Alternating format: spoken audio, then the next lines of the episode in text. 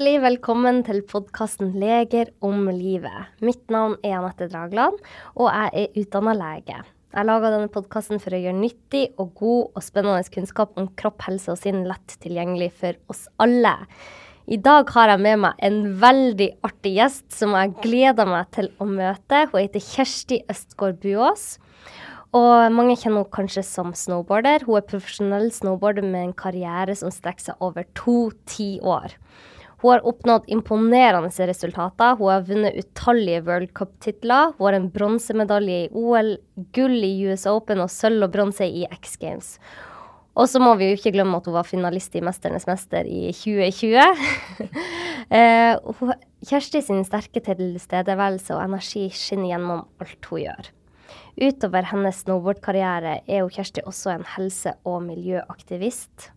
Gjennom sitt arbeid med Present arrangerer hun retreats for kvinner over hele verden med fokus på meditasjon, pusteøvelser og personlig utvikling. Kjersti sin filosofi om livet omfatter viktigheten av lek, fokus, pust, meditasjon og glede i hverdagen. Og hennes tilnærming til disse aspektene av livet får jeg inntrykk av at du er opptatt av man både skal ha personlig og profesjonell suksess, men samtidig skal man ha det bra i hverdagen, og det syns jeg er så fint. Eh, så hjertelig velkommen, Kjersti. Tusen takk. Det er imponerende merittliste. Og bare det å ha vært med i OL fire ganger, det er ikke så mange som har gjort. Nei, det er jo kanskje ikke det. Jeg husker at uh, når jeg hadde gjort tre, så sa mamma nå begynner du å Nå kan du kanskje nærme deg Ole Einar Bjørndalen. så det, han har vel vært med i fem eller kanskje også seks. Jeg, jeg gjorde jo aldri det, men um, det er en annen historie. Uansett jeg er jeg fornøyd og veldig stolt av å ha vært med som deltaker i fire OL. Ja, ja det er artig. Du har jo vært med i OL og vunnet utallige medaljer i ulike konkurranser over hele verden. Men hvordan har overgangen vært fra å være toppidrettsutøver til nå å fokusere mer på helse, personlig utvikling og på miljøet? Overgangen fra toppidretten var jo litt sånn selvbestemt. Jeg, fant ut sjøl at jeg um, hadde kjørt konkurranser lenge nok. Og var ikke pga. en spesifikk skade at jeg la opp konkurransekjøringa. Det var mer fordi jeg tenkte det er mye mer jeg vil oppleve og oppnå kanskje bevege meg litt inn i andre felt. Eh, og det hadde også begynt å bli litt vel mye yngre folk som var med på konkurransene. Så jeg husker jeg satt på et hotellrom, eller på en hotellobby og så rundt meg, så var det liksom gjennomsnittsalderen 17 år, og så satt alle på telefonen sin og scrolla. Så tenkte jeg ja, kanskje jeg skal begynne med å gjøre noe annet. Og jeg har fortsatt lyst til å ha en kropp som tåler å holde på med masse forskjellige morsomme aktiviteter. Mm. Eh, og snowboard det bærer jo med seg skader, så det er jo en risiko. Så jeg tenkte sånn OK, nå har jeg gjort mye her, og så kan jeg fortsatt uh, holde på med snowboard, og kanskje også jobbe med snowboard profesjonelt, eh, men jeg trengte å kjøre konkurranser. Så den Jeg bestemte jo overgangen sjøl, og det gjør jo litt i at det blir litt enklere enn at det bare er en skade da, som kaster deg ut. Så det husker jeg at var godt. Uh, men samtidig så hadde jeg jo en sånn indre kamp med meg sjøl der um, det kommer opp spørsmål som liksom Hvem er jeg nå? Hva skal jeg gjøre nå? Det her er litt skummelt. Hva skal jeg livnære meg av? Og er jeg liksom verdig når jeg ikke driver på og gjør det bra i mesterskap og sånne type ting? Sånne tanker kommer jo opp. Mm. Så jeg husker at jeg gjorde veldig mye yoga og veldig mye meditasjon. Mye fysisk aktivitet for å komme meg gjennom de her tankene og spørsmålene. Um, og den hele indre kritikeren da, som uh, sitter og gnager i alle sine hoder. Ja, og det, det, var fint. ja, og, og, hva skal man gjøre videre, ikke sant? Det er jo mm. Dere som er toppidrettsutøvere, har jo en karriere som er litt kortere. Og man kan jo ikke pensjonere seg i en alder av i 30-årene. Og hva skal man gjøre videre? Jeg tror mange av dere kanskje kjenner på det, jeg vet ikke. Ja, det, du vet jo at det på et tidspunkt uh, blir tid for å, å, legge opp, som det heter. Ja. Jeg husker at jeg ikke hadde lyst til å si at jeg skulle legge opp, fordi jeg tenkte sånn OK, greit, jeg kan slutte med konkurranser, men jeg har drevet med snowboard i liksom over 20 år, da. Og holdt på på det høyeste nivået. Jeg har lært så mye. Og holdt på som profesjonell idrettsutøver. fått med meg så mye erfaring og kunnskap som det er liksom gull verdt, da. Og jeg kjente jo sjøl at det å bare legge det vekk og begynne med noe helt nytt, det blir feil. Ja. Så her må jeg finne ut uh, hvordan jeg kan bruke det som byggestein, da. Og da går du jo opp egentlig litt av sporet sjøl. For det er ikke så mange sånn maler du kan følge, der du liksom vet akkurat OK, noen har gjort det før meg, sånn gjør jeg nå. Det, det er liksom ikke sånn. Så det, det ligger jo mye opp til seg sjøl, og det er skummelt, men det er òg veldig gøy. så det Ja, jeg sto i det. Hjalp meditasjon det? Ja, meditasjon hjalp veldig, og det hadde jeg jo starta med tidligere i, i, karrieren for å hjelpe meg sjøl å prestere bedre. Da var jo hensikten med meditasjon var jo på en måte å øke prestasjon og fokus. Mm. Så jeg hadde brukt det sammen med en gjeng andre venner som var opptatt av yoga og litt mer det her med mentaltrening og det å bruke meditasjon, da. Så jeg hadde brukt det en stund, og så fordypa jeg meg enda mer i det. Og tok et kurs, eller utdanning, da, i å bli meditasjonslærer. Så jeg hadde jo lært masse forskjellige teknikker og skjønt at meditasjon var så mye mer enn det jeg hadde trodd i utgangspunktet. Så når jeg da hadde mer behov for det sjøl, for å se innover, for å få de der slitne, slitsomme tankene til å stilne og alt det der, så hadde jeg jo faktisk oppskrifter jeg kunne bruke, og da merka jeg jo at det funker jo. Ja. Mm. Hm, det er så mange tanker som dukker opp når du snakker nå, for jeg tenker at vi skal gå lenger inn på meditasjon, men hvordan er det når man skal finne en sånn byggestein, som du sier? Jeg syns det var så fint. For du ønsker å bruke det du har lært gjennom en veldig lang karriere innenfor snowboarding, til å utvikle det og bruke det til noe videre. Og du har jo starta Du arbeider nå med Present, som arrangerer retreats rundt om i verden. Du, du er jo aktiv på, i media og driver hjelper andre med personlig utvikling. Du må jo ha lært vanvittig mye om målsetting, fokus, eh, det å møte egen frykt i den karrieren din som snowboarder. Hvordan bruker du det nå? Nå bruker jeg jo det jeg har lært som idrettsutøver. Et eksempel kan f.eks. være fokus, da. Til å nå mål jeg setter meg. Fordi hvis vi ikke greier å holde fokus og hele tida blir distrahert, da er det veldig vanskelig å, å få ting til å skje. mm. Så i idretten så lærte jeg jo meg først da jeg var yngre, så, så var det jo bare sånn at jeg kom fram til metoder og strategier for å få til det her fokuset, uten at jeg hadde noe, noen som sa hvordan jeg skulle gjøre det. ikke sant? Det er bare, Du må nødt til å få det til sjøl, fordi at eller hvis du har et godt trenerteam rundt deg, kanskje noen kan hjelpe deg med det. Mm. Men det er ikke så mye mentaltrening, og det var i hvert fall ikke det da jeg kjørte aktivt. Så det å liksom bare ordne seg sjøl sånne enkle strategier, som for eksempel Og for meg er det sånn Kjenn på følelsene i hendene mine gjør at jeg får fokus veldig lett. Ok. Så det var en sånn ting som jeg bare på en måte hadde funnet på sjøl, og så gjorde jeg det på start. Alltid liksom før du ja, ja. kjørte? Ja, så at jeg liksom OK, nå må jeg være her kroppen min er, og kroppen er jo her og nå. Ja. Og det er jo her og nå jeg skal ut og gjøre rønnet mitt og triksene. Mm. Og da er det mye bedre at hjernen spiller på lag med det, da, og ikke tenker på noe annet. ja, ja, ja. Så da, det å kjenne på hendene mine var en sånn enkel metode, da. Og så kan det jo være andre ting òg, da. Sånn, sånn enkle pusteøvelser, f.eks.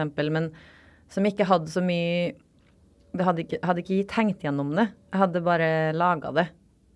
Og så det å riste kroppen litt løs og leke seg litt før start, og så få litt bevegelse. Riste ut liksom dårlig energi eller nervøsitet, da. Det, det kunne også funke. Og så Det som var spennende, var jo når jeg på liksom de siste årene jeg konkurrerte profesjonelt, så lærte jeg mer om meditasjon, mer om mentaltrening, mer om pust. Og da skjønte jeg jo at hei, det er jo oppskrifter her som er laga, og dem er jo eldgamle oppskrifter ofte. Ja. Som kanskje har blitt funnet på av noen mennesker som satt rundt et bål, ikke sant. Mm. Eller med stjernehimmelen. Mm.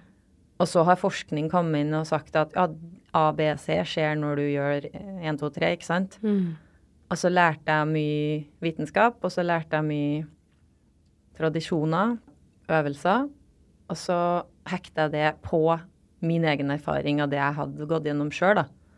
Og så skjønte jeg at oi, her er det så mye, det er så mye som henger sammen. Og nå har jeg ord for å forklare det. Og nå har jeg også teknikker eller øvelser, oppskrifter, som andre kan følge. Så da kan jeg fortelle deg, da. Og når jeg sto på startstreken i OL, så skjedde det ikke bare tilfeldig. Da gjorde jeg sånn, så én, to, tre, fire, fem.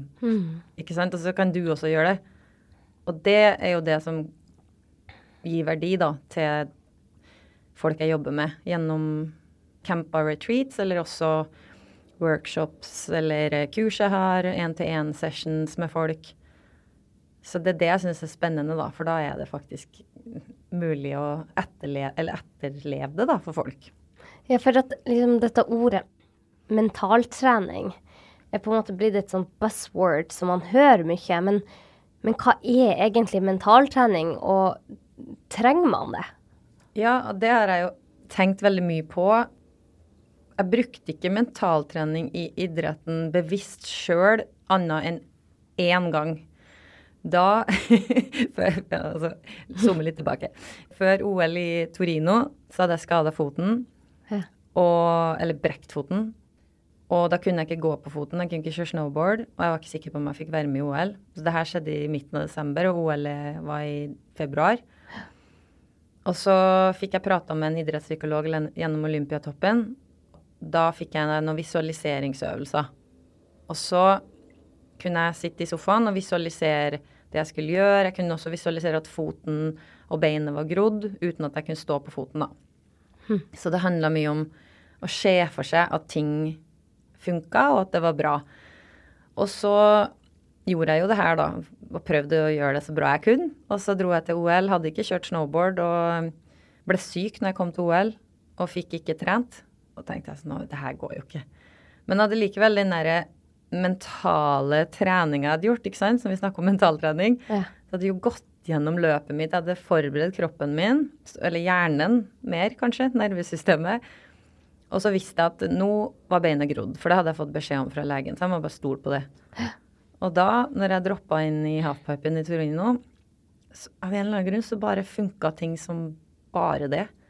Og det var akkurat som jeg hadde liksom Siden jeg hadde visualisert så mye de her triksene jeg skulle gjøre, og alt jeg skulle gjøre, så var det akkurat som nervesystemet mitt hadde gjort alt det her før, da. Hm. Så det, jeg lærte senere tid da, at det her, å jobbe sånn her mentalt, da, framskyve den prosessen som du likevel må gjennom. Du kan like godt gjøre den når du er skada. Du trenger ikke vente til du er tilbake.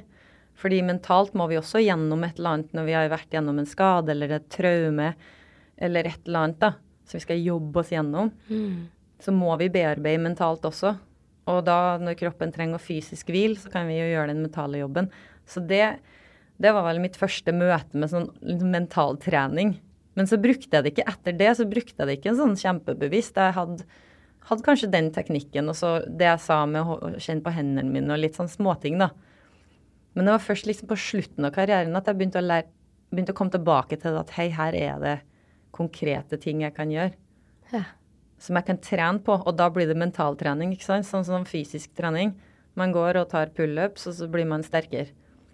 Og så må man restituere, og så må man gjøre alt det samme. Så i mentaltrening så er du gjør øvelser, fokusøvelser f.eks., der du kan bruke pusten bevisst, og så må du hvile.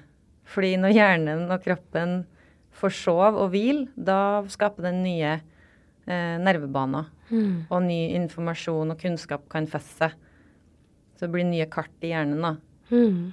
Så Ja, det vet vi jo nå. ja. Men det visste vi kanskje ikke på den tida. Nei. Men så det du gjorde, rett og slett, altså det, det var ditt første møte med mentaltrening, at du, du, du måtte rett og slett visualisere at foten din var bra, og at du visualiserte hvordan du skulle kjøre i den havpipen, for du hadde ikke mulighet til å forberede deg i forkant. Mm. Hvordan gikk det? Det gikk veldig bra. Jeg, var, jeg fikk tredje, så bronsemedalje. Og det var jo Oi. som en For meg så var det som nesten et sjokk, fordi selv om jeg hadde lagt ned en god sånn mentaltreningsjobb, så, så hadde jeg jo ikke kjørt snowboard. Og jeg hadde liksom nesten blitt sånn avskrevet av norske medier fordi jeg hadde vært skada, og de hadde ikke så stor tro på snowboarderne. Og så ble det veldig mye blest om denne bronsemedaljen, for det var ikke så mange norske som gjorde det bra i OL den dagen. Og da får det jo mye medie medieoppmerksomhet òg, så det var ekstra gøy for meg da at snowboard, som er så lite miljø, fikk så mye oppmerksomhet. Og jeg hadde jo lagt Det hadde jo vært en sånn humpete vei for min del, da, der jeg skada meg ikke trodde jeg kunne få være med, og så vinne medalje. Det er ganske stort spenn der.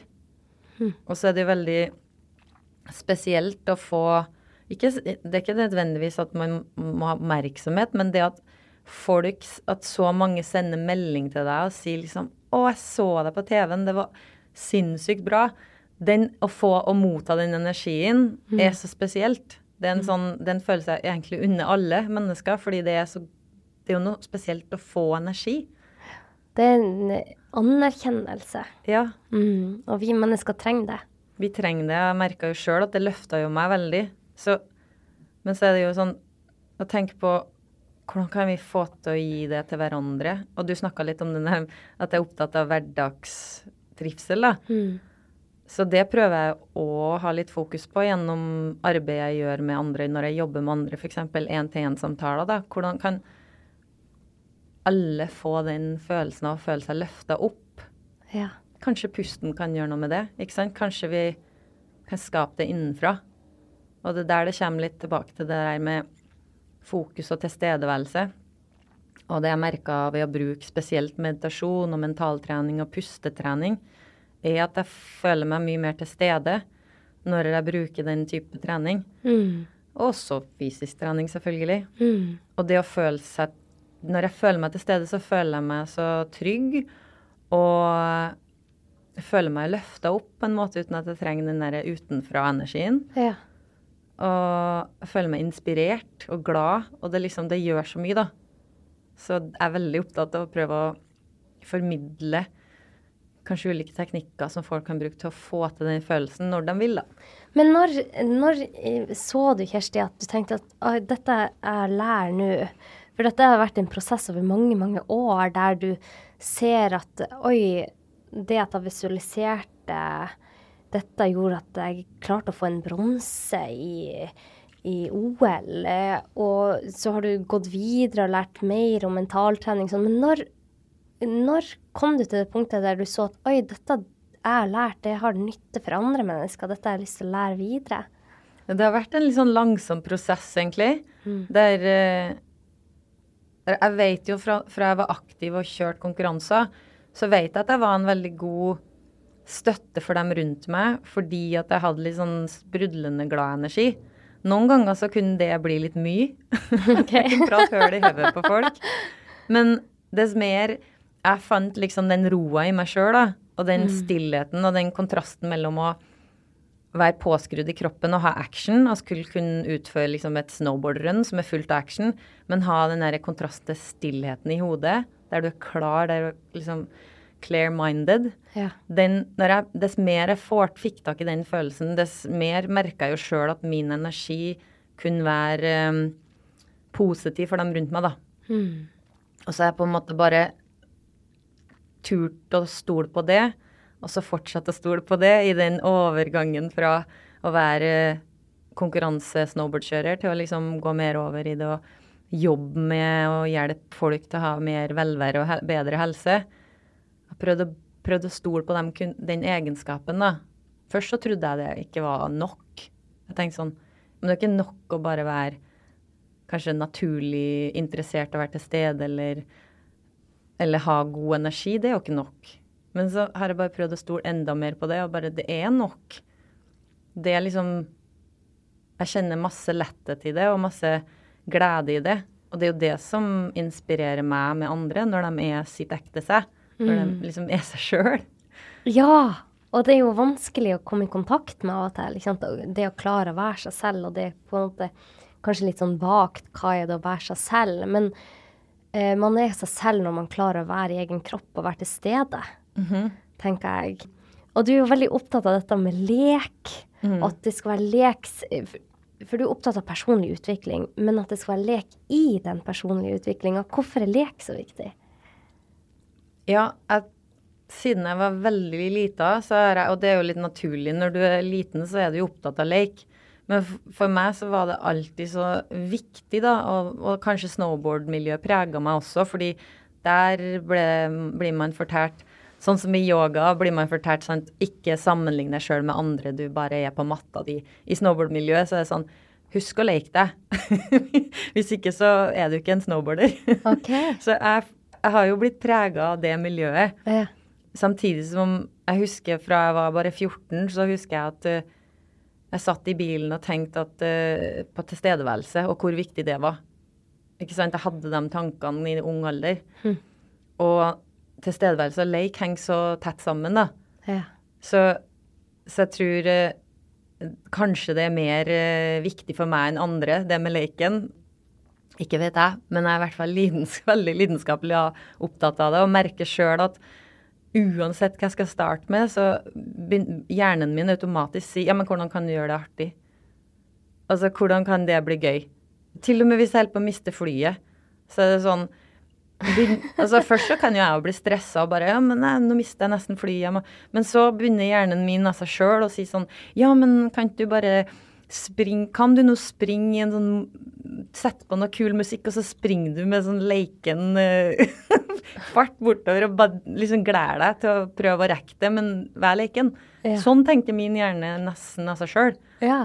Og det er gøy, men det er det jeg prøvde liksom Og kanskje forstått at ikke det er for alle, men kanskje det er en egenskap som, som jeg fordi at og bør og vil spille videre på. Fordi at det er så naturlig for meg. ja. Og så merker jeg at det skaper så mye letthet i, i alt, da. Og det er sånn jeg har lyst til å leve. Og hvis jeg beveger meg for langt unna det, så stritter hele kroppen min imot. Og da blir jeg ikke Da merker jeg at jeg dotter ut av uh, balanse med meg sjøl, da. Så jeg må alltid inn tilbake dit. Uansett. Så da, da vet jeg jo at da kan jeg liksom bare gjøre det. Men vi, vi, når vi vokser opp, så slutter vi å leke. ja, og det er jo sånn Det å leke seg på i sandkassa eller på lekeplassen, det trenger ikke være Lek trenger ikke bare være det, det du, konkrete du gjør, og det trenger ikke være sånn at man må leke seg på en barnslig måte. Du kan jo leke deg på alle mulige måter og definere det akkurat sånn som du vil. Og for meg er det nesten enda mer enn det med det, det konkrete man gjør, men det er mer den derre følelsen og perspektivet. Leik, kanskje tilnærminga leik. Eh, mer enn liksom det at jeg skal gå hoppstrikk eller gjøre sånne kanskje mer sånn barnslige aktiviteter som vi sammenligner Eller som vi kanskje ofte tenker på som leik, da. Så hvordan kan vi som voksne tilnærme oss lek i hverdagen? Hvis vi f.eks. Hvis det er en, et uh, prosjekt vi skal være med inn i da, så det, kanskje vi først tenker at ja, men åh, det er kjedelig å sitte og planlegge.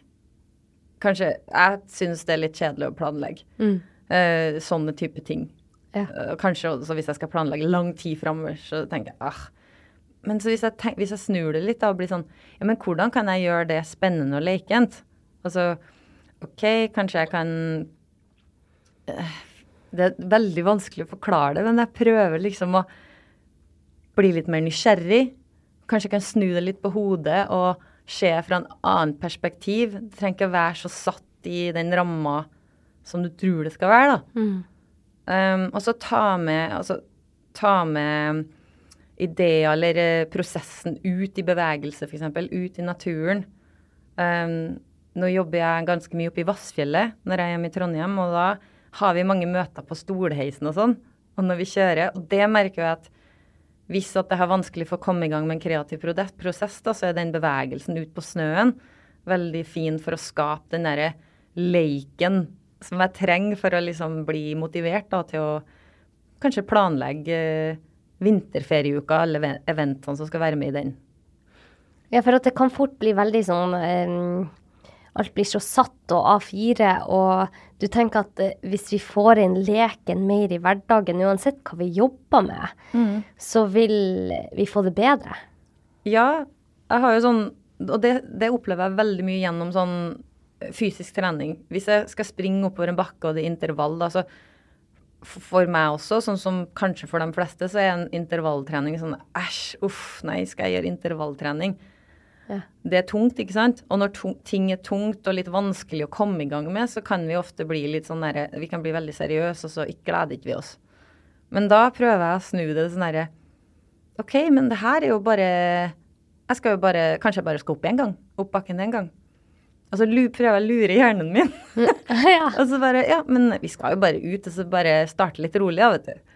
Ja. Altså, det er jo nesten sånn som du ville lokka med en liten unge.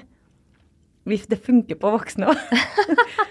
For hvis, hvis det blir liksom den der svære, seriøse ja, men fire ganger opp bakken forteste du kan, Mm. og slit og pese og pust, det, det tar jo motivasjonen for de fleste. Mm. Mens hvis det er sånn ja, ja, men vi går ut og så starter vi litt rolig, og så kanskje vi setter på noe kul musikk, da. Mm. Og så kanskje For meg, da, så blir det litt sånn zoom inn på sånne ting som pusten på vei opp den intervallbakken. Jeg syns jo det er superspennende. Og da blir fokuset, går fokuset inn på mer detaljer. Sånn som f.eks. å følge med pusten. Og det her kommer vi jo sikkert mer inn på, men det med nesepust har jo blitt eh, det jeg gjør i stort sett all treninga mi. Så det å ha fokus på at jeg puster med nesen, det distraherer meg jo vekk fra alt det andre. Og så gjør det at det blir veldig spennende. Og så blir man veldig til stede med kroppen. Mm. Så det er jo et annet eksempel liksom, på hvordan man prøver å gjøre det lekent, da. Ja. Prøve å gjøre livet litt eh, lettere også, på en måte. Mm. Og jeg tenker Jeg husker ikke tallene nå, men jeg husker jeg leste hvor mange ganger flere et barn ler enn en voksen, og det var sånn helt vanvittig mye. Altså, nå kaster jeg bare ut et tall, men la oss si at et barn ler 200 ganger om dagen, så lo en voksen fire ganger. Altså, det å smile og le, det gjør noe med ikke bare humøret ditt, men de har jo forska på det, det viser jo at det påvirker oss helt ned på cellenivå. Ja. Så vi trenger den. Vi trenger den der eh, gleden i hverdagen, da. Og for meg så er det bare det å spille Uno med guttene mine, eller så sier jeg OK, nå har vi fem minutter, skal vi leke haren. Mm. For jeg har ikke tid til mer enn fem minutter, men fem minutter skal vi gjøre det. Og hvor mye latter det kommer ut av disse fem minuttene her og der. Det, det, gir litt, det gir mening i hverdagen, da. Ja, helt klart. Vi må flire eh, Vi bør flire ofte og, og få klemmer ofte. Ja. ja. Hun Anne Lamotte er den forfatter jeg leste en bok av, eh, Bird by Bird. Hun, hun skrev at eh, laughter is carbonated holiness. Mm. Det var fint. Mm, og det syns jeg er så fint, altså. Ja. Hvordan har For at du er opptatt av dette med personlig målsetting, og vi ønsker jo å utvikle oss, eller i hvert fall mange av oss. Jeg elsker å utvikle meg. Jeg elsker å lese bøker som lærer meg noe, eller jeg kaster meg ut i ting som jeg kanskje er litt redd for, for å teste grensene mine og se om jeg klarer å utvikle meg videre. Jeg syns det er en stor del av eh, min mening med livet. Og du har jo snakka mye om dette, både på personlig plan, men også karrieremessig. Hvordan kan vi, bruke, hvordan kan vi oppnå målene våre eh, uten at det skal bli sånn tungt? F.eks. nå er vi jo i januar når vi spiller inn her, og da er det veldig mange som har en målsetting. De har et nyttårsforsett, og vi vet at den dagen flest bryter nyttårsforsettet sitt, er 19. januar. Mm. Så det er ganske tidlig i året. Hvordan kan vi nå målene våre, eller hvordan setter du mål, sånn at ikke bare de blir opp oppnåelige, men også at det blir en, glede i hverdagen? At det ikke blir noe tungt som henger over det? Jeg tror man kan se det fra forskjellig perspektiv. Jeg tror jo én, det er jo de målene man setter seg, ikke sant. Sånn, jeg prøver å sette meg mål som betyr noe for meg, da. Som, som er også mål Det er rart å si det, men mål som er lett, som det er letthet i. Og ikke velg mål som bare er tungt, og som jeg må gjøre fordi at noen an- jeg skal gjøre noen andre glad, eller for at jeg skal tilfredsstille noen andre. Eller tilfredsstille samfunnet? Ja, Mm. så det, det å sette seg mål som er ekte for seg sjøl, som virkelig som, som betyr noe, som da trenger man ikke å tenke så mye på den motivasjonen, fordi da kommer jo motivasjonen av at du virkelig bryr deg om det målet. Mm. Men det kan jo være ting som så enkelt å ta det fra snowboard-verdenen, da. Hvis det er et triks jeg har lyst til å lære meg, som jeg vet at jeg har lyst til å putte inn i et rønn, da, når jeg har kjørt konkurranser, så var det ikke alltid jeg hadde lyst til å stå opp om morgenen og gå ut i ja, minus ti og en klinkis, klinkis halfpipe og gjøre gjør en salto. Det er jo ikke det er liksom Å motivere seg til det det er jo ikke like lett hver gang, selv om jeg har veldig lyst til å lære det trikset, da, som blir det målet, eller en del av et større mål. Mm. Så det, jeg skjønner jo at vi har å sette oss mål som kanskje ikke alltid motivasjonen kommer like lett med. Da blir tilnærminga, hvis det er sånne type mål, så er det den derre e- et skritt om gangen-oppskrifta som funker for meg. At eh, bare stå opp om morgenen, kanskje det var konkurranse eller trening, og så stå opp om morgenen og kose meg med hvert øyeblikk. Ikke prøve å skynde meg til det derre tidspunktet der jeg skal gjøre det trikset. Men gi meg sjøl god tid, stå opp, spise en god frokost. Nyt stunda og tida fram til jeg skal ut i den halfpipen, da. Ja. Altså, fordi at hvis hjernen får lov til å skynde seg til, til liksom det der tidspunktet du kanskje gruer deg til, da, ja. At det er det man tenker på. ja, så blir, tar det helt over. Mm.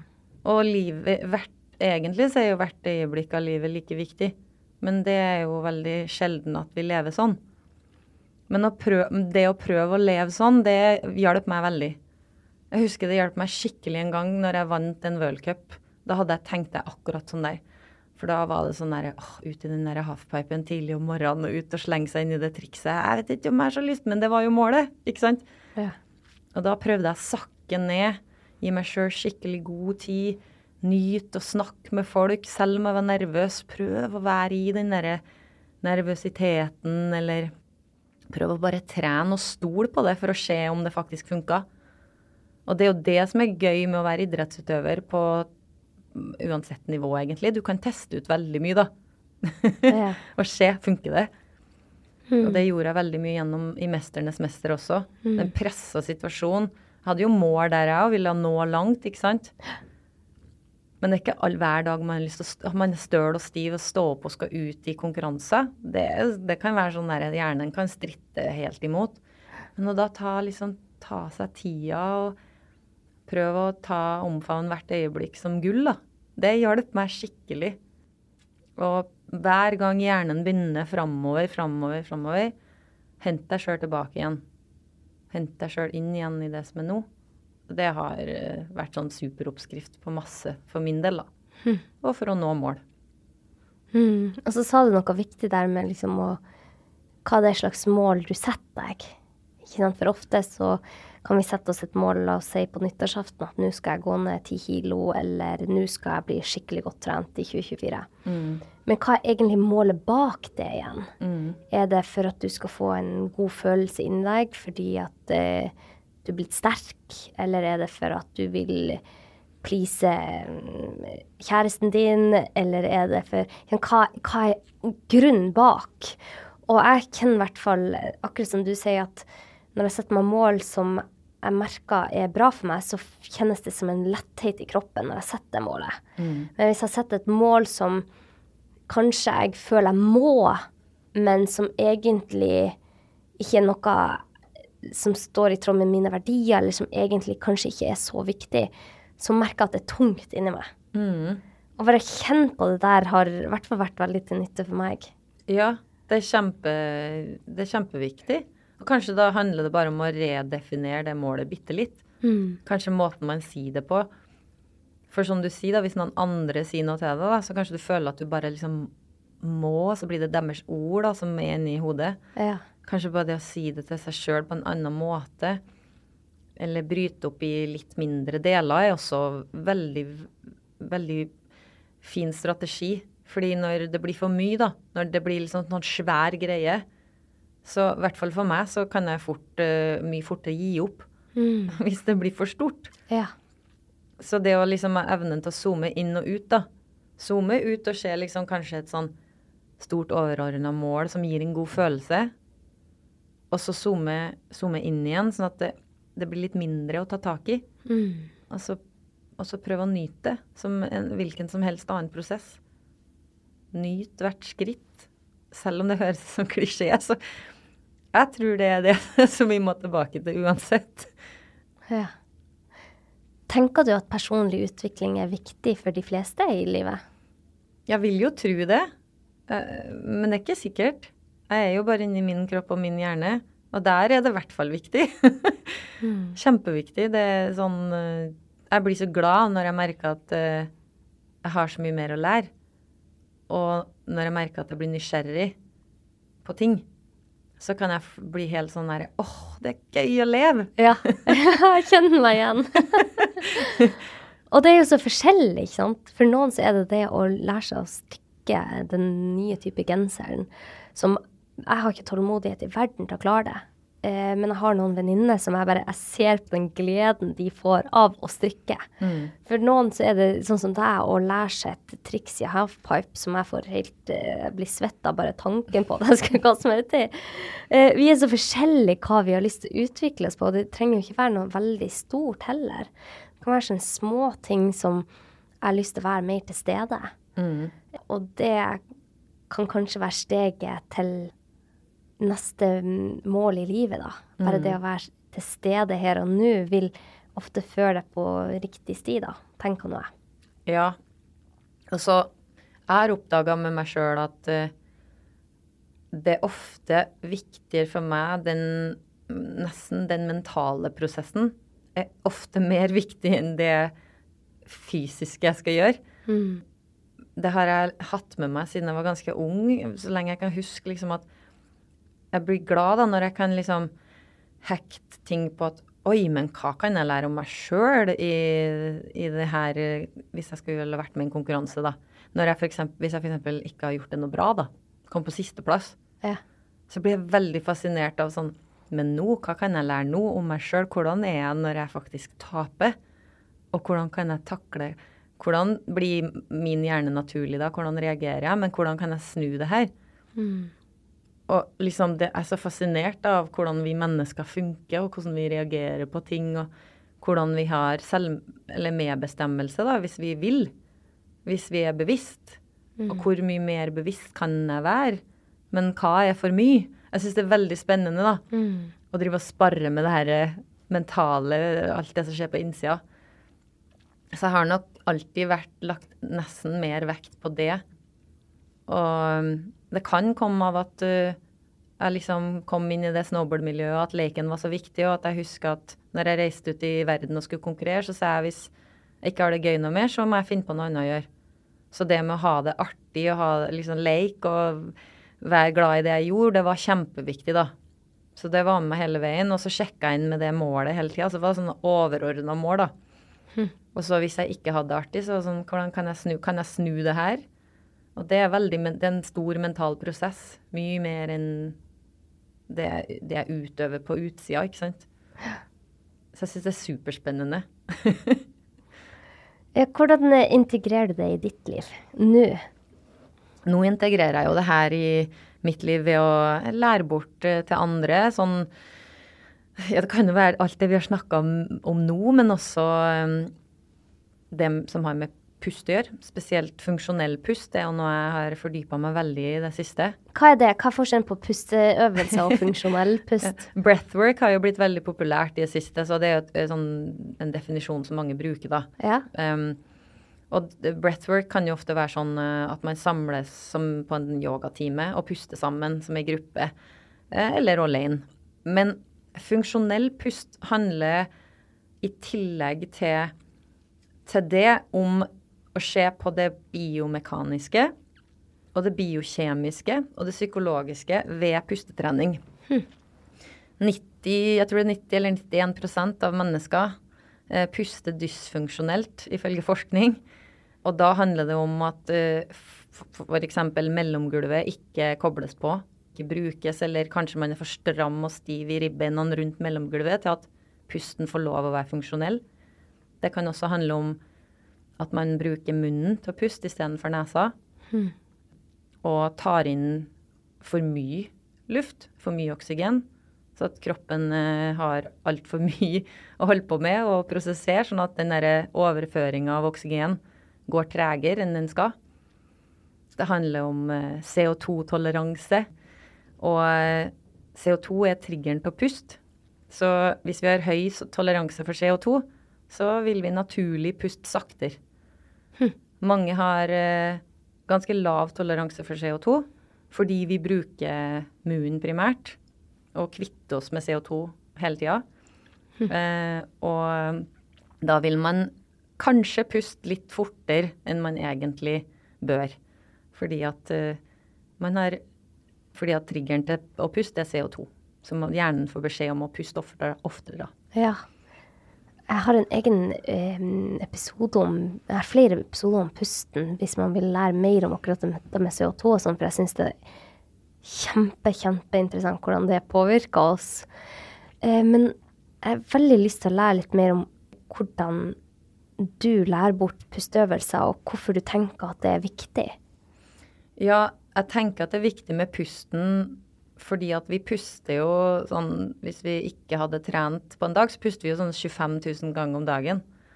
Og at vi ikke bryr oss om hvordan vi puster, det er jo litt rart. Fordi vi gjør det så ofte. Ja. og vi klarer, klarer oss ikke uten pust i noe mer enn kanskje ja, ett til tre minutter.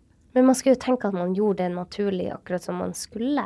Ja, det var akkurat det jeg òg trodde eh, før jeg begynte å bli litt mer nerd på det. Og så har jeg skjønt at eh, fordi vi lever i helt annen, annen setting enn vi gjorde før, så har vi begynt å puste mer med munnen enn med nesa. Og det er nesen vi er ment å puste med. Så, så det med munnpusting ødelegger veldig mye av den der naturlige måten kroppen skal puste på, da. Ja. Og det handler også om hvordan skallen har utvikla seg. Og um, det handler om veldig, veldig mye forskjellige ting. Og for barn som de ser ofte at i femårsalderen så begynner barn å bruke munnen mer til å puste med nesa. Og det har det blitt uh, lagt ut forslag om at kanskje kommer av at de ser på de voksne som puster med munnen. Så gjør jo barn hermer jo etter de voksne. Men det kan også komme av at vi sitter mye mer. Barn sitter på stol istedenfor å være på gulvet og leke seg, f.eks. Som påvirker bekkenet og mellomgulvet og pustemuskulaturen og Så det er en sånn, det er en sånn kompleks hvorfor og Ja, hva det som er har skjedd. veldig mange sammenhenger. Mange. Så, Og så måten vi tygger på, ikke sant. Og, Ja, nettopp. Så der, så der har, har vi kommet til et tidspunkt at ja, kanskje vi egentlig ikke trengte å tenke på hvordan vi pusta, for da hadde vi jo Hvis vi hadde vært avhengig av det, så hadde vi jo sikkert ikke overlevd. men, men vi har kommet til et tidspunkt der vi bør tenke litt mer på hvordan vi puster, og lære å få kroppen tilbake i en funksjonell og god pust, da. og hvordan gjør vi det? Gjennom eh, altså alt fra det å bare bli bevisst på det, og begynne å kanskje bli bevisst på det at puster jeg mest med nesen, eller puster jeg mest med munnen? Jeg trodde sjøl når jeg hørte det der, at jeg pusta mest med nesen, men det gjorde jeg ikke. Fordi når jeg prøvde å lukke igjen munnen over ei lengre tid, så begynte jeg å bli sånn Oi, nå må jeg puste med munnen. Oi. Men så tvang Eller tvang, jeg er jo sta og disiplinert. så jeg bare bestemte meg for å bare bytte helt over til nesepust hele tida. Så jeg gjorde jo det da i noen uker, og så ble det lettere. Ja, for det er mange som plages med at de føler at de ikke får puste ordentlig. Det blir nesten som et sugerør å puste gjennom nesen. Ja, og for, for noen så er det jo vanskeligere enn for andre. Hvis du er veldig tett i nesa, har uh, astma, allergi, har uh, slitt med f.eks. søvnapne og ting har gått litt langt, da, så er, er det vanskeligere. Eh, og da handler det jo om å tilpasse til den personen. Og det er jo der Og ta en sjekk hos ørenes halslege. Eh, Ja, en sjekk. Eh, Og, og for, også kan få liksom pusteevaluering, en evaluering av hvordan du puster. da, Det er jo det jeg jobber med. Og se på liksom Bruke dem mellom, kan, Får dem til å bruke mellomgulvet sitt? Hvordan kan du trene det til å bli sterkere? Er det en bra innfallsvinkel til den personen? Det er stort sett trygt for de fleste å teipe munnen om natta. Det har jeg gjort i over, eh, over et år nå sjøl, ett og et halvt år. Det er ikke alle som trenger å gjøre det, men det er en god metode for å få pusta mer med nesen gjennom de sju til ni timene man sover. Og gi kroppen et godt miljø. ikke sant? For det å puste med munnen, det skaper mer bakterier. Det skaper, kan skape ting som ikke er så heldig, da. Uh, mens det å puste med nesen kan gi eh, mer optimal oksygenoverføring og lavere hvilepuls og dypere søvn. Så, men selvfølgelig, vi er så forskjellige, og alle har forskjellig utgangspunkt. Så det er jo det, er jo det jeg jobber med òg, å på en måte individualisere pustetrening. da, Sånn at det passer for den personen. Og det er jo der det er kanskje litt forskjell på breathwork. Hvis du går på en time med mange, og så gjør de samme øvelsen. Det er jo ikke sikkert det passer for alle. Nettopp. Men hvis man hører på nå mm. og tenker at å ja, nei, jeg har, jeg har lyst til å puste mer med nesen, eller jeg har lyst til å fokusere mer på pusten fordi at det er så mye forskning som viser hvor viktig det kan være for enkelte for å få det bedre, både mentalt og fysisk. Mm. Eh, hva, hva ville du anbefalt av teknikker, da? Ja, som, som jeg nevnte, så er det første liksom, enkleste er å, å, bli bevisst på å prøve å puste med nesen så mye du kan. Gjennom hele dagen. Mm. Hvis du klarer å puste med nesen i ett minutt sammenhengende, så er det stor sjanse, en sånn tommelfingerregel, for at du klarer å gjøre det hele tida. Okay. I hvile. Ok. Sånn det du kan leke deg med, å gå opp trappa. Vi, hadde, gikk jo ganske, vi gikk opp til sjette etasje. Prøv å bruke nesen hele veien. Ja. Og tenk på nesen som et gir der man liksom trenger å varme opp. Sånn som vi varmer opp fysisk i kroppen og musklene, så trenger pusten også å varme seg opp. Så start sakte, ikke sant. Og da er nesepust veldig gunstig, for hvis man starter med munnen åpen, så går man ofte litt for fort for egen kapasitet. Så det å sakke ned og la pusten fordi da må, må, du gå saktere hvis du skal klare å puste med nesen. Det kan være en sånn naturlig måte å gire oppover ikke sant? og gi pusten en god oppvarming. Ja. Mm. Mm. Så det å bare teste ut hvordan det føles å puste med nesen Ja, det er den første, viktigste byggesteinen, vil jeg si. Eh, og hvis du føler for det, så er det med teip på natta. Bare en liten teip trenger ikke å ha noe mye. Det kan bare være rett over midten av munnen. Ja. Mm. Og jeg, synes, jeg, bruker det hver dag, for jeg syns det er helt nødvendig. Det, hvordan type teip bruker du? Jeg bruker bare en sånn med, medisinsk teip som ikke har så mye sånn dårlig lim på seg. Jeg holder fortsatt på å lete etter den beste, best mulig tape. Den perfekte. ja, så man får utforske litt, da. Um, hvis det er for mye lim på sånn, så går det an å ta av litt av limet først på klærne eller på en på, ja. ja. Så den ikke blir så sticky. Men det er sånn Det er en ting man kan gjøre, og som er veldig enkelt for dem som syns det er greit. Men hvis du har eh, La oss si at det en lytter hører på og har en stressa periode, f.eks., mm. og har lyst til å bruke pusteøvelse for å komme mer til seg selv, bli mer bevisst, um, hva ville du anbefalt av pusteøvelse da? Jeg syns jo det å puste lenger ut enn å puste inn er veldig beroligende og fint. Eh, mm. Det er en ganske sånn eh, standardøvelse som både stammer fra meditasjon og fra mer moderne pustetrening, da. Så mm. jeg, jeg, husker jeg lærte den øvelsen her når jeg tok meditasjonsutdanning, og så har jeg lært det igjen når jeg har tatt uh, utdanning innen pustetrening. Og det handler jo om at uh, når vi puster ut, så trigger vi mer av det parasympatiske nervesystemet som står for avspenning og avslapping. Mm. Så det å, å forlenge utpustene sine, f.eks. telle til fire inn og åtte ut, og bruke nesen og puste sakte, rolig, helst uten lyd, er en veldig fin, enkel måte å trigge mer avspenning og avslapping. Så hvis man er, står eller er veldig stressa eller føler at du har falt litt ut av uh, hvem du er og vil finne litt tilbake til deg sjøl eller har hatt noe krangel eller noen utfordringer, så kan det være sånn kjempeenkel greie man kan gjøre i fem minutter, ti minutter. Det trenger ikke være så komplisert. Og du ser at pulsen senker seg med en gang. Det er det som jeg syns er så fascinerende. Ja, og det er jo en fysiologisk grunn til det også, fordi mellomgulvet beveger seg jo som en Jeg ser på det nesten som en manet som sprer seg ut og inn, ikke sant? Så du ser for deg maneten som liksom beveger seg utover trådene og, og kroppen, og så innover. Så mellomgulvet, når vi puster inn, så går mellomgulvet utover, så maneten sprer seg utover, ikke sant? Og så går kuppelen på toppen ned. Og så når vi puster ut, så går mellomgulvet tilbake i hvileposisjon. Så går den tuppen oppover, den kuppelen, ja. og så er den borti hjertet som, sier, som sakker pulsen sender beskjed og signaler til hjernen. Sakk pulsen. Veldig fint bilde. Ja, så den maneten kan man se for seg, da. Mm. Så det er en sånn det, det, er jo, det, er jo, det er jo noe som faktisk skjer inni kroppen, en endring som biomekanikken der påvirker at pulsen går ned. Og påvirker hele kroppen, alle cellene. Ja. Ja. Og jeg, jeg, jeg brukte masse i eget liv, og så har jeg også anbefalt det mye til pasientene mine. Og det er helt utrolig hva det kan ha å si. Jeg nevnte en, et eksempel. Jeg hadde en tannlege som begynte å gjøre eh, bare noen få pusteøvelser. Han pusta inn på fire, holdt pusten på fire, pusta ut på fire, holdt pusten på fire. Bare tre ganger mellom pasientene. Det var en av pusteteknikkene han gjorde, og det endra helt hvordan hans hverdag var. ja. Fint. Fordi at eh, man forteller jo rett og slett kroppen sin at ja, det er trygt å være her. Sant? Det handler om, og jeg bruker det rett før innspilling, alltid. Så puster jeg et par ganger. Forteller kroppen at her er det godt å være. Hvis jeg går inn på et møte før jeg åpner døra, så tar jeg alltid noen, bare, en, bare et par-tre drag. For at du blir bevisst. Og bare, jeg syns det er så merkelig, egentlig, at sånne små sekunder, det, det er jo snakk om mindre enn et minutt, hvor mye det kan ha å si for hvordan du opplever hverdagen. Helt klart.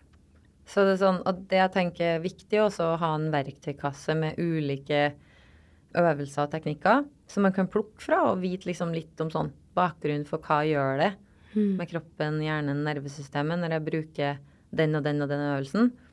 Eh, For, det, for meg gjør det det i hvert fall spennende. Det er nesten sånn sammenlignbart med trening. At jeg vet at jeg kan gå og springe hvis jeg vil, jeg kan dra og sykle, jeg kan svømme, jeg kan gjøre styrketrening, jeg kan kjøre snowboard, jeg kan klatre. ikke sant? Det å ha en verktøykasse med eller ideer da, for ting du kan bruke for å gi tilbake til kroppen, kan være utrolig smart. Hvordan andre verktøy har du? I pusteverdenen, tenker du? Ja. Ja, jeg liker jo å trene mellomgulvet mitt, da. Eh, jeg ser det litt sånn sånn Altså, det er en av de få måtene man kan faktisk kan trene mellomgulvet på. Fordi mange tenker at når vi springer eller gjør utholdenhetstrening, så trener vi mell mellomgulvet. Men det får veldig litt trening da. Så det å f.eks. ta et sånn Jeg bruker et belte som har litt sånn strekk i seg, eh, som mye motstand. Så tar jeg det rundt eh, mellomgulvet, diafragma, Rett under brystkassa. rett under brystkassa. Eller så kan jeg bruke hendene og holde der. Mm. Eller et uh, treningstrikk å holde, da. Og så gjør jeg ti repetisjoner der jeg har det beltet rundt her, da. Eller hvis du holder hendene dine rundt deg sjøl og nå, rundt, liksom litt, ikke i midja, men litt ovenfor. Mm. Og så puster du sakte inn gjennom nesen. Og så kanskje du kjenner litt bevegelse, at det går utover eh, horisontalt, ikke sant? sånn som himmelen eller trekkspill. Ja. Så skal du liksom få eh, mellomgulvet til å bevege seg utover ved å puste sakte, rolig inn. Og så skal du puste sakte, rolig ut, og da skal du koble på magemusklene i midten også. Og skvise lufta ut, helt ut, helt ut, helt ut, som en svamp som skviser vannet ut av. Og det kan være ganske tungt hvis man har noe rundt der og får litt motstand, ja. og bruker nesa. Koble nesen til mellomgulvet. Og da går, når vi bruker nesen, så går lufta saktere automatisk, for det er mindre hull enn i munnen. Og det gjør at mellomgulvet også blir kobla mer på enn hvis vi bare sluker luft gjennom munnen. Skal man presse igjen med hendene, da? Gjerne, når man puster i- ut? Eh, på utpust så er det ikke det viktigste å presse med hendene. Da er det viktigste å bruke eh, Ja, men, å, sorry. Jeg mener på innpust, inn. Ja. På innpust så Hold igjen, liksom. hold igjen. Du kan også liksom holde rundt kroppen så du gir deg sjøl en klem. da. Ja. Eller ha et sånn treningsstrikk. Det gir utrolig god Det er som å gjøre liksom ti pullups for mellomgulvet. Oi, men hvorfor? Hvorfor skal man trene mellomgulvet? Fordi det er den største pustemuskelen vår. Og det veier liksom Pustemuskulaturen veier sånn fire-fem kilo. Og det å ikke ha kontakt med den muskelen og ikke bruke den, det gjør jo at man kan bli både tungpusta, andpusten, og i hvert fall ikke får ut potensialet sitt. Oi. Så du gjør det lettere for deg sjøl, du får pusta lettere. Rett og slett. Du trener opp muskulaturen, som, som trener alle andre. Sånn som eh, hvis du skal trene armene, hvis, du, hvis jobben din er å hogge trær i skauen, og du ikke har noen armmuskler, det er jo kjempetungt å hogge ned det treet. Ja. Så, så her handler det om å liksom forstå det at der er det en muskel som vi egentlig har veldig stor behov for, men som ikke får veldig mye trening. Mm.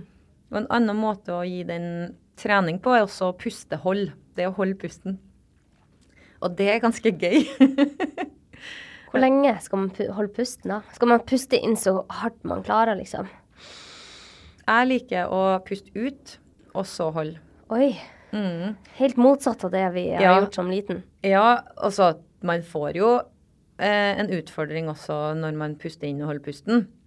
Men hvis du puster ut og så holder pusten, så vil CO2-toleransen øke fortere. Og da vil du møte den terskelen for CO2 fortere. Og så vil det begynne, for mange, de fleste, i hvert fall for meg, så begynner det å bli sånn hoppe mellomgulvet. Litt sånn, blir sånn en det hopper. Og da det, det kan du se for deg at den muskelen faktisk beveger seg. Hæ. Og da får den trening. Oi.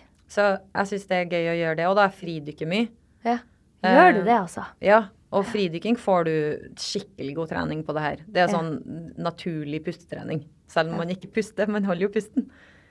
Så nå er jo liksom mange nye metoder for å drive med pustetrening nå, og for å få mer funksjonell pust, handler jo om å ta med seg sånn fridykking opp på land. Der du gjør nesten det samme som du gjør hvis du har på deg snorkel og fer under vann. Men du er på land. Hmm. Og det blir sett på som høydetrening uten at du trenger å dra opp i fjellene. Men så, øh, så hvis jeg øh, Jeg syns dette er artig. Jeg har aldri trent diafragma. Så hvis jeg puster, altså, tar og puster ut så hardt jeg klarer, så jeg ikke har noe luft i mm. lungene, eller så lite som mulig, hvor lenge skal jeg prøve å holde, da? Nei, da puste, Når du da har pusta all lufta ut så sakte du klarer å skvise all lufta ut, så skal du puste sakte inn igjen gjennom nesa. Så trekker du lufta sakte inn gjennom nesa, så kanskje du ikke kjenner noen bevegelse i mellomgulvet i det hele tatt i begynnelsen. Men det kommer. Det kommer på sikt. Puste sakte ut, sakte ut. Bra, bra, bra. Skvise, skvise, skvise. Og så puste rolig inn gjennom munnen, nei, innom nesen. Fylle opp og kjenne at det utvider seg som et trekkspill i mellomgulvet. Kanskje bare bitte litt bevegelse. Og så puste sakte ut og skvise. Da kobler du på magen. Og hvor mange ganger skal man gjøre det? Jeg gjør ti repetisjoner, Kanskje kanskje 10-20 repetisjoner annenhver dag, eller ja. Oi! Det å legge inn liksom, Og det er fint å stå foran speilet, for da ser du. Ja. Og så går det an å måle. Det går an å måle framgangen her, da. ja. Jeg tenker bare på, Vi snakker om nyttårsforsett, og det er så mange som sier at de skal begynne å trene. Kanskje dette er trening? Ja, Det er helt klart trening, og du blir støl. Du blir skikkelig støl, i hvert fall hvis du ikke er vant til det. Og jeg trengte ikke dra på Sats eller på, eh, Nei. På treningsstudio med det første. Begynn der. Det er veldig fint å gjøre, og da eh, kan man fort oppleve at uh, Altså, uansett hvordan nivået man er på når det kommer til, til, til sånn fysisk form, så kan man oppleve veldig merkbar framgang. At oi, nå har jeg faktisk litt mer kontroll på, den her, på pusten min. Og jeg kan holde igjen litt og vite at jeg har mer å gi. Du vet når du, kan, du har litt mer kontroll på de girene jeg snakker om, du kan gire opp litt sjøl. Der du kjenner at pusten har fått blitt varm, ikke sant? så man ikke bare lar pusten løpe løpsk med en gang. Vi er veldig gode på å varme opp kroppen, men vi er ikke så gode på å varme opp pusten. Og det samme gjelder for nedtrapping. Hvordan har du, har du merka at det har påvirka deg? Det å begynne med meditasjon og puste og Meditasjon hjelper meg veldig til å få bedre selvinnsikt og oversikt om hva som egentlig foregår inni kroppen og hjernen min. Og så ta litt mer kontroll over tanker. Fordi jeg kunne ikke så mye om tanker før jeg begynte å liksom sette meg litt inn i det. Hva er det, hvor kommer de fra? Hva er det egentlig jeg tenker på? Oi, jeg lar egentlig hjernen min bare tenke på akkurat det den vil hele tida. Meditasjon hjelper meg til å bli bevisst på at hei, her kan jeg være med og styre litt sjøl. Mye mer enn jeg trodde. da. Jeg kan ikke ikke tenke, for vi skal tenke, og vi skal også naturlig være i fortid og framtid og planlegge og se tilbake og reflektere. Men det å ha evnen til å sjøl være litt mer til stede, da, bestemme litt mer av det sjøl, det syns jeg har vært veldig fint. Og der har meditasjon vært eh, en helt eh, en nøkkelrolle. Eh, alt det jeg har lært gjennom det med å holde fokus spesielt. Meditasjon og fokus og tilstedeværelse henger så mye sammen. Ja, det gjør det. Også det å finne den der roa i meg sjøl. Finne stillhet og ro. Jeg syns det er så godt. Det er noe av det beste jeg vet i hele verden. Så når jeg fant det inni meditasjon, så tok det meg tilbake til sånn da jeg var barn og satt på solsenga i Italia og kosa meg skikkelig og bare satt og mysa og så på sola og tenkte at her er det beste i verden. Ja. Så jeg får sånne følelser. Eller når jeg var liksom Og det får jeg jo enda, da. Når jeg ser snøen lave ned ikke sant, og blir superinspirert. Mm. Det er mye av de samme, liksom, de samme ingrediensene, samme følelsen jeg får i cellene mine når jeg bruker meditasjon, som når jeg er i bevegelse også. Kjøre nedover i fjellsida på snowboard, får en sånn her kjempeherlig følelse i kroppen. Eller bare står og ser utover på toppen i Lofoten, på toppen av et fjell, at jeg har gått opp, står og ser utover. Bare det fantastiske landskapet der med de snøkledde hvite toppene og det turkise vannet. Det er liksom Den følelsen der får jeg kan jeg gjenskape meg sjøl inni meditasjon, og, og, så kan jeg ta med meg meditasjon inn i aktivitet og på en måte flette alt det her sammen, da. Hvordan ville du anbefalt noen hvis de ønsker å prøve ut dette? For i hvert fall jeg, jeg kunne nesten ikke kjenne på ro før jeg begynte med meditasjon. Og jeg unner så alle å få kjenne på det. Hvordan tenker du er en fin måte å komme inn i det på? Ja, det handler jo faktisk veldig mye der om den For meg, når jeg lærer bort meditasjon, så starter jeg ofte med første byggklossen der igjen, som er faktisk en gammel teknikk som handler om nesepust, det òg. Så, så det å liksom bruke et par minutter, puste rolig inn gjennom nesa, puste rolig ut gjennom nesa, det, liksom, det var den første meditasjonsteknikken jeg lærte. Uten å prøve å påvirke pusten? Ja, og bare la merke at uh, pusten går inn gjennom nesa, pusten mm. går ut gjennom Eller lufta, da. Går inn og ut. Og så når du mister fokus, så, så det viktigste uh, hjelpemiddelet jeg har lært, var hente deg uanstrengt tilbake. Ikke tving deg til å ha fokus. Ikke tving fokus tilbake, for da er det ikke bærekraftig. Men uanstrengt. Når du merker at du har mista oppmerksomheten eller fokuset på, på nesen eller på lufta som går inn og ut gjennom nesa, da henter jeg uanstrengt tilbake. Så må du gjøre det sikkert 100 ganger, da. Og så uanstrengt tilbake. Ikke sant? Ik ikke bruk noe krefter på det. Bare OK, hent meg tilbake. Og så hvis For mange så kan jo det høres veldig kjedelig ut. Og da kommer det med leken inn til meg. Da er det sånn, er det sånn Ja, men gjør det, gjør det, spennende, da. Gjør det på din måte. Gå ut.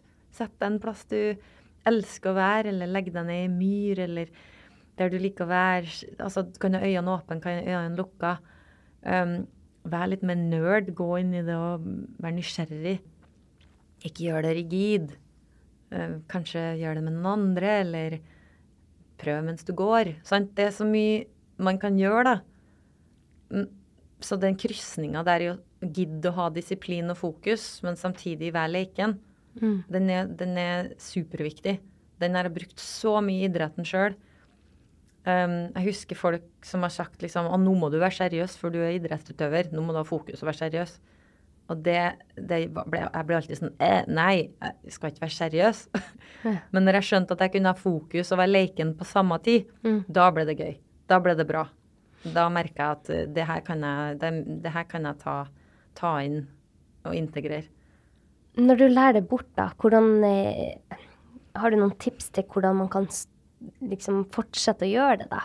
For det er én ting å gjøre det hvis man er på et kurs eller sånn, men mm. eh, å ta det med seg i hverdagen. Ja, jeg er alltid veldig opptatt av å si at uh, vi er så ulike. Vi har så ulike interesser. Prøv å flette inn i din uh, hverdag i, hvis du liker å trene, flett inn i treninga. Trenger ikke å være så lukka, det trenger ikke å sitte i et uh, rom som er mørkt og se ut som en munk. Og det trenger ikke å vare en halvtime? Liksom. Nei, nei, nei. Det trenger ingenting. Det, gjør, gjør, det til ditt. Det er ikke noen strenge regler. Fallhøyden er veldig liten. Mm. Det er ikke noe mye du kan gjøre feil. Det, det, eneste jeg vil si at man kan gjøre feil, er å sitte og tvinge seg sjøl til å ha fokus. For det, det, det funker ikke i lengden. Mm. Så det å ha det å få bærekraft inn i det og få mm. det lett, få det liksom Nyte. Det er tid for deg sjøl, og ja, bruk det sånn, sånn, som du har lyst til å bruke det. Uh, gjerne ta det med deg ut i naturen og sånt. La det bli en del av deg, da. Det er tips. Og når jeg, når jeg reiser og sånn, så for å og det her handler jo ikke bare om meditasjon, eller det her handler om trening også, og en sunn livsstil i hele, hele tatt. også mat, kosthold, da prøver jeg å ha sånn OK, jeg vet at når jeg står opp om morgenen, hvis jeg har lagt, kanskje lagt ei pute eller noe på gulvet, da, og så er det et vindu der, og så har jeg kanskje ordna det bitte litt koselig, så er det større sjanse for at jeg går dit og gjør det, enn hvis jeg ikke har ordna noe. Så, så, det å liksom ordne til litt sånn der hjem, kanskje det er et sted du liker ekstra godt, at med et vindu, eller Vær litt smart. Eh, mm. Hvis du vet at du vil gå ut, da sett Kanskje du har har eh, superundertøyet klart. så at du bare kan gå ut, ikke sant. Ja, ja. Så mm. gjør det enkelt for deg sjøl.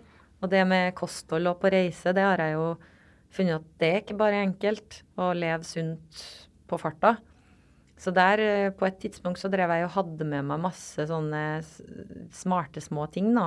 kan være fra spirulinapulver til sant, grønnsakspulver eller um, ting som gjorde at jeg kunne være på reise og fortsatt føle at jeg fikk i meg nok grønnsaker. Og tok du det bare opp i kaffen? da? Ja, jeg, jeg tok det, ja eller i vann. Eller Jeg, jeg hadde, eide jo ikke skam med det der. Jeg, vet, jeg hadde jo med meg alt mulig på flyet og liksom For at jeg skulle kunne få til en sånn en sunn livsstil på hvert fall det jeg hadde tenkt var sunn på det, på det tidspunktet, da. Og det endrer jo seg.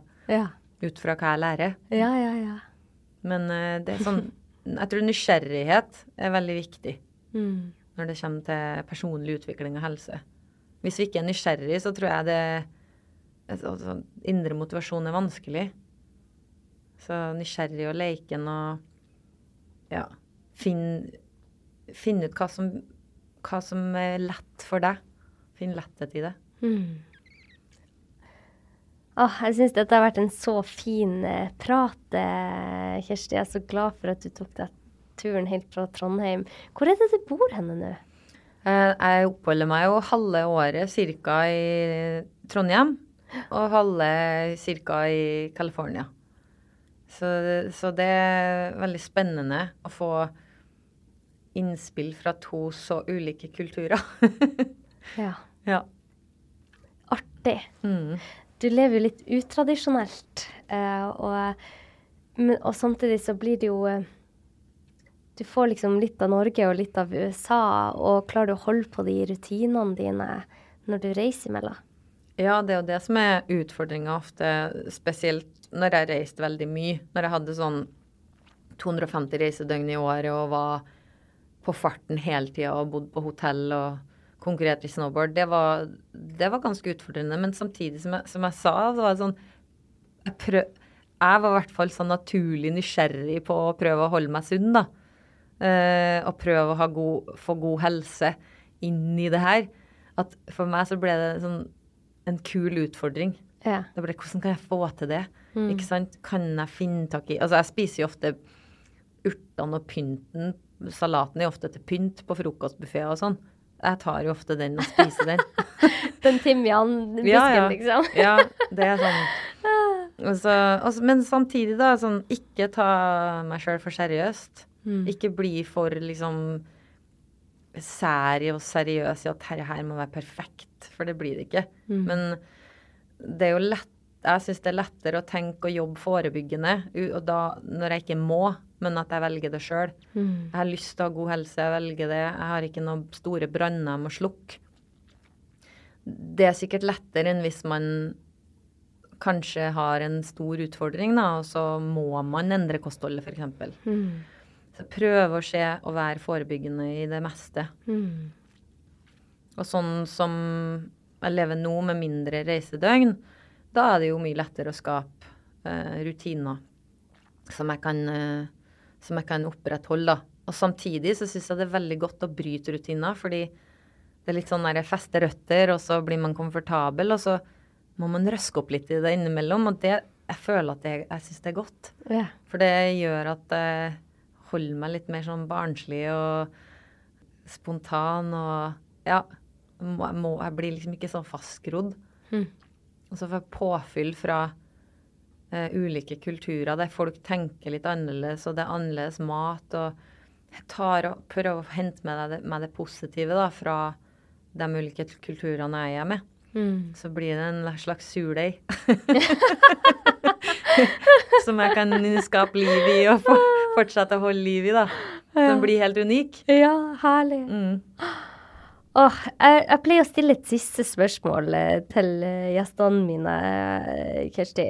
Og du har jo reist verden rundt, du har gjort eh, veldig mye i livet ditt. eh, og jeg er litt nysgjerrig på å vite, hvis du visste at du måtte forlate verden i dag, så fikk du lov å hviske tre tips eller råd eller sitat til alle oss menneskene som var igjen på denne jorda. Hva ville det vært? Mm. Det var et godt spørsmål, da. Mm. Må prøve å kjenne litt på det. altså, det ordet som kommer til meg, er jo leik. Leik og nyt tida du har. Og ikke prøve å gjøre alt perfekt. Bare vær her. Tusen takk for at du tok deg tid til å komme. Mm. Hvor kan lytterne mine nå deg? Eh, Jeg er på Instagram på Kjersti Buås. Og syns det er veldig artig med Instagram og lage videoer og sånn. Så det, der har jeg masse lidenskap. Der følger jeg deg og ser deg eh, ute i eh, innsjøen når det er iskaldt ute. Og ja. og så um, har jeg hjemmeside. Kjerstibuås.com, og så present, prsnt.co. Der finner du all informasjon om damecamper verden over. jeg legger det ut i episodeinfo. Gjør det. Mm. Kjempefint. Tusen takk. Jeg hadde lyst til å avslutte med noe du skrev på Facebook, som jeg bare Det rørte meg så. Så jeg hadde bare lyst til å dele det med lytterne også. Okay. Du skrev i et innlegg på sosiale medier for en tid tilbake, og der skrev du Weapons down, to the ground. Listen. Lay your ears against the surface. Feel Mother Earth. She is telling us to stop. Stop war. Stop hate. Stop the pollution. She gently whispers to stay in peace. Channel compassion and bow to love. To let the children and innocent people have their lives. Be love. Å, jeg får frysninger over hele meg. Tusen takk for at du deler det. Vær så god. Og til deg som lytter, hvis du føler at denne episoden ga deg noe du ønsker å gi det videre, så del det. Det er sånn vi får den kunnskapen ut. Og eh, hvis du ønsker å komme i kontakt med meg, så er jeg på Dr. Anette Dragland på Instagram og Facebook. Og med det så ønsker vi dere en kjempefin dag. Ha det godt.